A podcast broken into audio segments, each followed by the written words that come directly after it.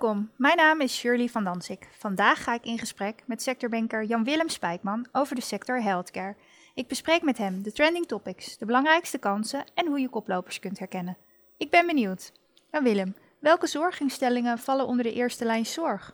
Ja, de eerste lijn zorg is uh, misschien een rare term, uh, ook misschien niet bekend bij mensen. Maar de Nee, eerste lijn. Nee, precies. De eerste lijn is juist de zorg waar jij als patiënt gewoon naartoe kunt gaan, zonder verwijzing. En de tweede lijn zorg, daar heb je dus een verwijzing van een huisarts voor nodig. En dat is bijvoorbeeld een ziekenhuis. Dus de eerste lijn zorg, dan moet je denken aan de huisarts. Kan een solopraktijk zijn, maar huisartsen zijn ook wel eens dat ze met elkaar samenwerken. Dan heet het een hoed. Huisartsen onder één dak. Leuke term. Leuke Ja. term, ja. En je hebt ook hele grote gezondheidscentra waar wordt samengewerkt ook met andere disciplines. En andere disciplines in de eerste lijn zijn bijvoorbeeld fysiotherapie, ergotherapie, logopedie. Dus de grootte van de zorginstellingen, als ik het goed begrijp, in deze eerste lijn zorg, die kunnen nogal variëren. Dat verschilt enorm. Ja. De eerste lijn zorg is heel erg gefragmenteerd. Het kunnen solopraktijken zijn en het kunnen ook hele grote gezondheidscentra zijn met twaalf huisartsen, met assistenten, praktijkondersteuners, fysiotherapeuten, et cetera. Dus dat zijn grotere gezondheidscentra, Ja. maar nog steeds de eerste lijn. Wat ook nog onder de eerste lijn valt, dat zijn de verloskundigen, kraamzorg, de eerste lijns eh, eh, geboortezorg. Dat valt er ook nog onder. En niet te vergeten, de tandartsen. Niet alleen tandartsen, ook orthodontsiepraktijken. Dat is allemaal eerste lijn zorg. En als laatste, voordat ik het vergeet, Ja, de wijkverpleging. Dus Ook de dames belangrijk. die op de brommers en de fietsen en de heren ook langs mensen thuiskomen om wijkverpleging te geven, Mhm. is ook eerste lijn zorg. oké. dus dan heb ik eh, zo'n behoorlijk beetje- uitgebreid. Ja. Ja. de eerste lijn zorg is dicht bij de patiënt thuis. Ja. En de tweede lijn zorg, ja, dan kom je in het ziekenhuis of bij een GGZ-instelling. Dat is verwezen zorg. ja, en als we dan kijken naar trends en ontwikkelingen, wat zijn volgens jou dan de trending topics voor de sector? Nou, ik zei net al dat het enorm gefragmenteerd is, die zorg. En wat heel erg belangrijk gaat worden, is samenwerking. Samenwerking tussen de verschillende zorgaanbieders om de zorg betaalbaar te houden. Want de zorg wordt Is dat de elk grootste jaar... uitdaging, die betaalbaarheid? Ja, de betaalbaarheid is een enorme uitdaging. We betalen met elkaar in, in Nederland zo'n 100 miljard aan zorgkosten. En we moeten zorgen dat dat niet enorm gaat groeien door de vergrijzing. Mhm. De samenwerking is key, is heel erg belangrijk. En dat betekent dat huisartsen moeten samenwerken met oudere zorginstellingen. Want er zijn ook oudere mensen die, ja, als er wat gebeurt, gelijk naar het ziekenhuis gaan, hè, naar de spoedeisende hulp. Maar heel vaak kunnen ze ook bij een ouderenzorginstelling terecht. Dus die huisarts moet hele goede contacten hebben, ook met die ouderenzorginstellingen. De huisarts moet ook hele goede contacten hebben met het ziekenhuis. Want je kunt nu al, als je bijvoorbeeld een raar plekje op je huid hebt, daar een foto van maken. En dan kan een dermatoloog in het ziekenhuis ernaar kijken, naar die foto.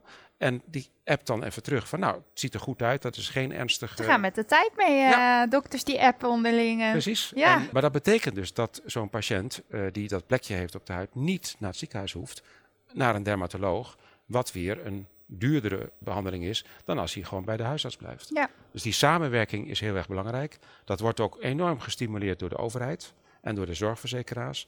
En dat heet de juiste zor- zorg op de juiste plek.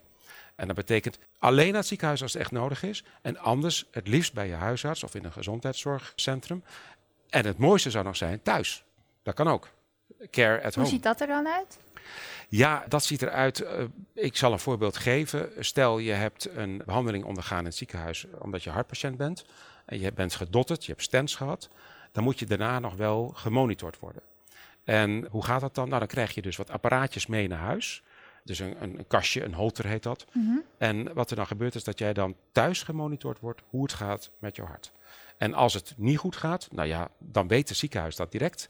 En dan komt de ambulance en die haalt je op en dan breng je naar het ziekenhuis. En als het goed gaat, nou, dan word je dus thuis gemonitord. Dus dat Mooie is een ontwikkeling. hele belangrijke trend. Ja. Ja. eigenlijk hebben we het al over de volgende trending topic. Ja, ik ben benieuwd. Eh, dat is namelijk die technologie. Technologie gaat de zorg enorm veranderen.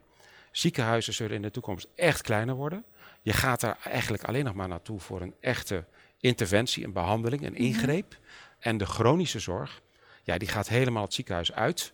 Dat betekent dat diabetes, COPD, zeg maar longziektes, maar ook hartbewaking, dat zijn dingen die nu nog in het ziekenhuis plaatsvinden. En die kunnen net zo goed thuis. Met technologie, met apparaatjes thuis om dat te doen. Bijvoorbeeld voor diabetes dan heb je nu hele slimme apparaatjes. Daar kun je mee meten. Dus hoeveel insuline je in je bloed hebt. hoeveel suiker je in je bloed hebt, wat de glucosewaarde is. En dan kun je jezelf ook prikken.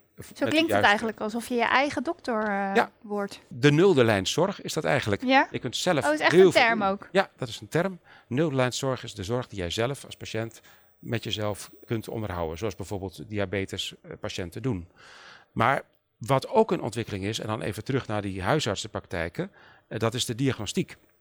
Stel, je hebt nu last van je buik en je voelt je niet lekker. Dan moet je naar het ziekenhuis voor een echo. Nou, die echo kan binnenkort ook gewoon bij de huisarts. Die heeft dan een praktijkondersteuner. En die kan met een heel simpel apparaatje en een laptop of een, of een iPad echt al een echo doen. Ook voor mensen die, of dames die zwanger zijn. Kan, kunnen ook een echo gewoon bij de huisarts. Hoef je niet meer voor naar het ziekenhuis.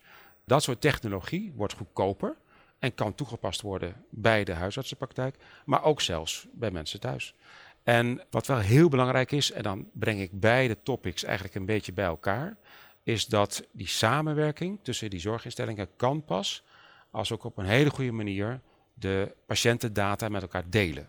Nou, en zover is het helaas nog niet. Elke Nederlander heeft nog niet een EPD, mhm. een elektronisch patiëntendossier, dat die makkelijk kan delen met alle zorgaanbieders. En dat is wel een voorwaarde om die zorg uit het ziekenhuis naar de eerste lijn te krijgen, naar de huisartsen toe of misschien wel direct naar mensen thuis.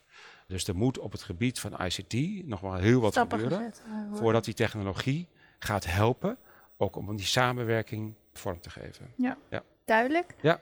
En 2019 eh, is bijna voorbij. Ja. Wat zijn jouw verwachtingen voor 2020 voor de sector? Ja, er is een hoofdlijnenakkoord gesloten met alle partijen in de zorg. Dus zowel met de ziekenhuizen als ook met de eerste lijnspartijen. En eigenlijk ziet dat er heel gunstig uit voor de eerste lijns zorgorganisaties. Die kunnen gewoon groeien. Die mogen ook groeien. Die krijgen extra middelen om die groei mogelijk te maken. Om te investeren in die ICT waar ik het mhm. net over had.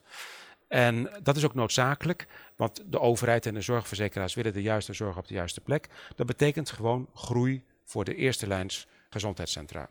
Dat moet wel gefinancierd worden. Daar moeten de verzekeraars ook aan gaan meehelpen. Maar ook de ziekenhuizen, die moeten ook loslaten. Als het chronische zorg betreft, ziekenhuizen niet meer doen, gewoon naar de eerste lijn. Dus ik verwacht dat de eerste lijns gezondheidscentra gaan groeien volgend jaar. Dat is het eerste punt. En het tweede punt is, als je kijkt naar de tandheelkunde, dus de, de tandartsen, die zijn enorm aan het consolideren. Dat betekent dat de solo-praktijken van tandartsen, dat wordt straks in de toekomst Verleden tijd? uitzondering. Ja. En je krijgt grotere tandheelkundige centra, waar heel veel tandartsen, mondhygiënisten, eh, maar ook orthodontie samenwerken. Waarbij je dus niet meer je vaste tandarts hebt, maar wel snel en goed geholpen kunt worden. En het gaat de kwaliteit, uh, komt het ten goede? Als het goed is, krijg je een betere kwaliteit tegen een lagere prijs, tegen lagere kosten. Omdat ja, elke tandartspraktijk heeft natuurlijk assistenten, maar ook moet zijn eigen administratie doen, heeft wat overhead. En als je dat bundelt, dan krijg je natuurlijk lagere kosten. Dat klopt. Mhm.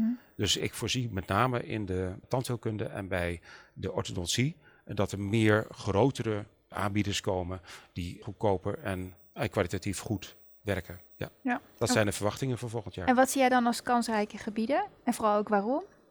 Nou, de kansrijke gebieden, eigenlijk sluit het daar heel goed op aan. Dat is, die samenwerking is voorwaardelijk, dat moet echt gebeuren. En dat gefragmenteerde in de eerste lijn, dat zie je met het ouder worden van huisartsen en van tandartsen, dat dat ophoudt. De jongere artsen en de jongere tandartsen, die willen ook parttime, die willen ook een keer op woensdagmiddag vrij. Mhm. Dus die gaan samenwerken in grotere verbanden. Dus in gezondheidscentra, et cetera. Dus die samenwerking, juist bij die gezondheidscentra, die, dat is heel erg van belang. Die technologie gaat natuurlijk heel veel veranderen. Dat betekent dat heel veel zaken uit het ziekenhuis gaat en juist in die eerste lijn terechtkomt. En schaalgrootte, schaalgrootte, schaalgrootte. Dus kleine praktijken hebben niet de toekomst, grotere praktijken wel. En dat, ja, dat is dus de, de, de grote kansen voor uh, zeker de deelmarkt gezondheidscentra. Bundel je krachten, ga samenwerken en zorg dat je ertoe doet in jouw wijk of in jouw stad. Ja, samen sta je uiteindelijk toch sterker. Absoluut. Ja. ja. ja. En tot slot, waaraan herken je de koplopers in de sector?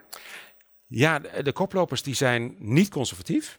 Wat zij doen is die meerdere disciplines bij elkaar brengen. Dus huisartsenzorg, tandheelkunde, fysiotherapie, ergotherapie. En zorgen dat het in één centrum zit. Nog sterker zou zijn als ze zeggen, joh ziekenhuis, wil jij een buitenpolie bij ons? Dus dan komen de specialisten uit het ziekenhuis spreekuur houden bij jou in het gezondheidscentrum. Nou, dat is natuurlijk ook heel goed. Ja. Dus die, die antemeren juist die samenwerking. Daar herken je de, de koplopers aan. En sterk management. Die kan sturen op kwaliteit. Dus die willen gewoon wat voegt er toe voor de patiënt tegen lage kosten. Want die kosten moet je natuurlijk drukken. En je moet de kwaliteit van die zorg hoog houden. En sterk management kan dat. Investeren in ICT, ICT, ICT. Absolute voorwaarde. Zorg dat je goed gedigitaliseerd bent. En wees ook betrokken bij jouw medewerkers, bij jouw artsen, bij jouw praktijkondersteuners. Dus de medewerkerstevredenheid is heel erg belangrijk. En natuurlijk ook de patiënttevredenheid. Dat zijn twee dingen waar je echt op moet sturen als, als ondernemer in een eerste lijns gezondheidszorgorganisatie. En als het dan niet goed gaat, dan moet je niet bang zijn om in te grijpen. Om te zeggen, nou jongens, dat loopt niet. Dan ga ik ingrijpen. Misschien vallen er dan wel ontslagen. Kan zijn. Maar je moet wel zorgen dat je de crisis voor bent. En dat je, want ja, faillissementen in de eerste lijnzorg komen helaas ook voor. Hm. Met name ook in de kraamzorg. Dus je moet dan ook kunnen afschalen. Je moet ook zeggen van nou, ik moet Keuzes durven maken. keuzes durven Ja. maken. Ja. Dus sterk management samengevat, samenwerken met andere partijen, investeren in informatietechnologie. Ja. Dat is de samenvatting. Ja. Dankjewel Jan Willem, een boeiende sector. Absoluut. Ja, kan mij voorstellen dat jij als kijker of luisteraar behoefte hebt aan meer informatie over deze of andere sectoren. Ga dan met ons in gesprek of kijk hiervoor op ing.nl slash sector. Bedankt voor je aandacht.